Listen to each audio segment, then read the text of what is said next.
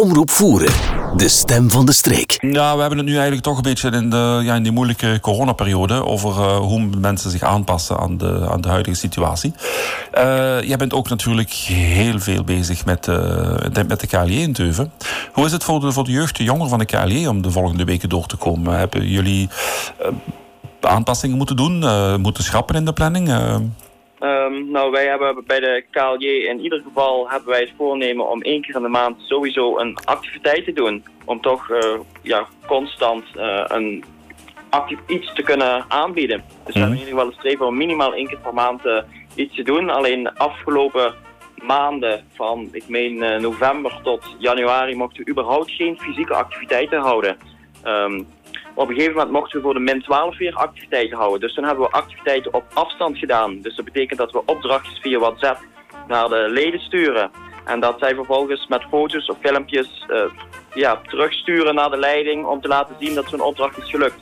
En op zich is dat wel leuk om een paar keer te doen. Maar je merkt toch, we mogen nu weer de laatste maand mogen we weer in groepjes van tien uh, activiteiten doen met de KLJ. Of met überhaupt alle jeugdbewegingen in, uh, in Vlaanderen. Mhm. En je merkt toch wel dat het heel fijn is dat je gewoon bij elkaar uh, uh, bent. Dat je wat grapjes met elkaar kunt uithalen. En dat is dan toch net iets uh, lastiger als dat allemaal op afstand moet. Dan heb je dat samen zijn. Is toch iets, dan heb je toch iets minder dat gevoel van samen zijn. Ja, maar zowel de leiding als de, als de kinderen zelf snakken ernaar om dat, om dat contact te hebben. Daar waar het mogelijk is, zoals het dan toegelaten is, om dat dan toch te doen.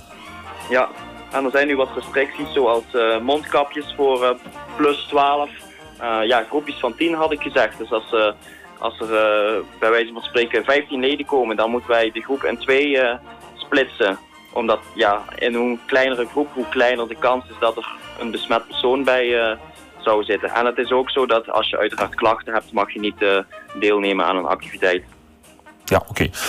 Dat is dan weer een beetje zoals eigenlijk op het, om te gaan werken. Als je je ziek voelt, zal het eigenlijk beter zijn dat je niet gaat werken, want uh, je weet niet welk, uh, waarom je ziek bent.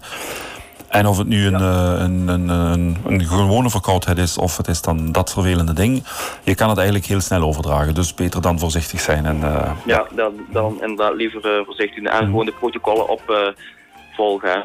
Ja. En wat zijn de volgende, of de, de, de hoogdag, de, de, het grote feest waar jullie nu naar uitkijken met de GLJ?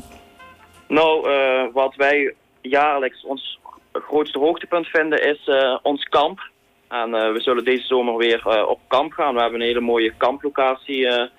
hebben we ook al op het oog. Dat weten de leden nog niet waar we naartoe gaan, want dat is altijd een groot geheim. Dus mag ik dat ook niet dus vragen? We hopen dat tegen de zomer de regels...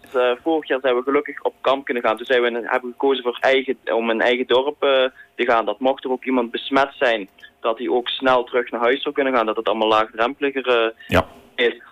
Um, maar nu hebben we wel weer iets verder van huis in kamp. En we hopen dat de regels mee gaan vallen deze zomer voor jeugdbewegingen. Dat we gewoon wel met de hele club op kamp uh, kunnen gaan. En dat er niet al te veel restricties uh, zijn. Maar dat is wel echt een hoogtepunt waar we nu uh, naar uitkijken.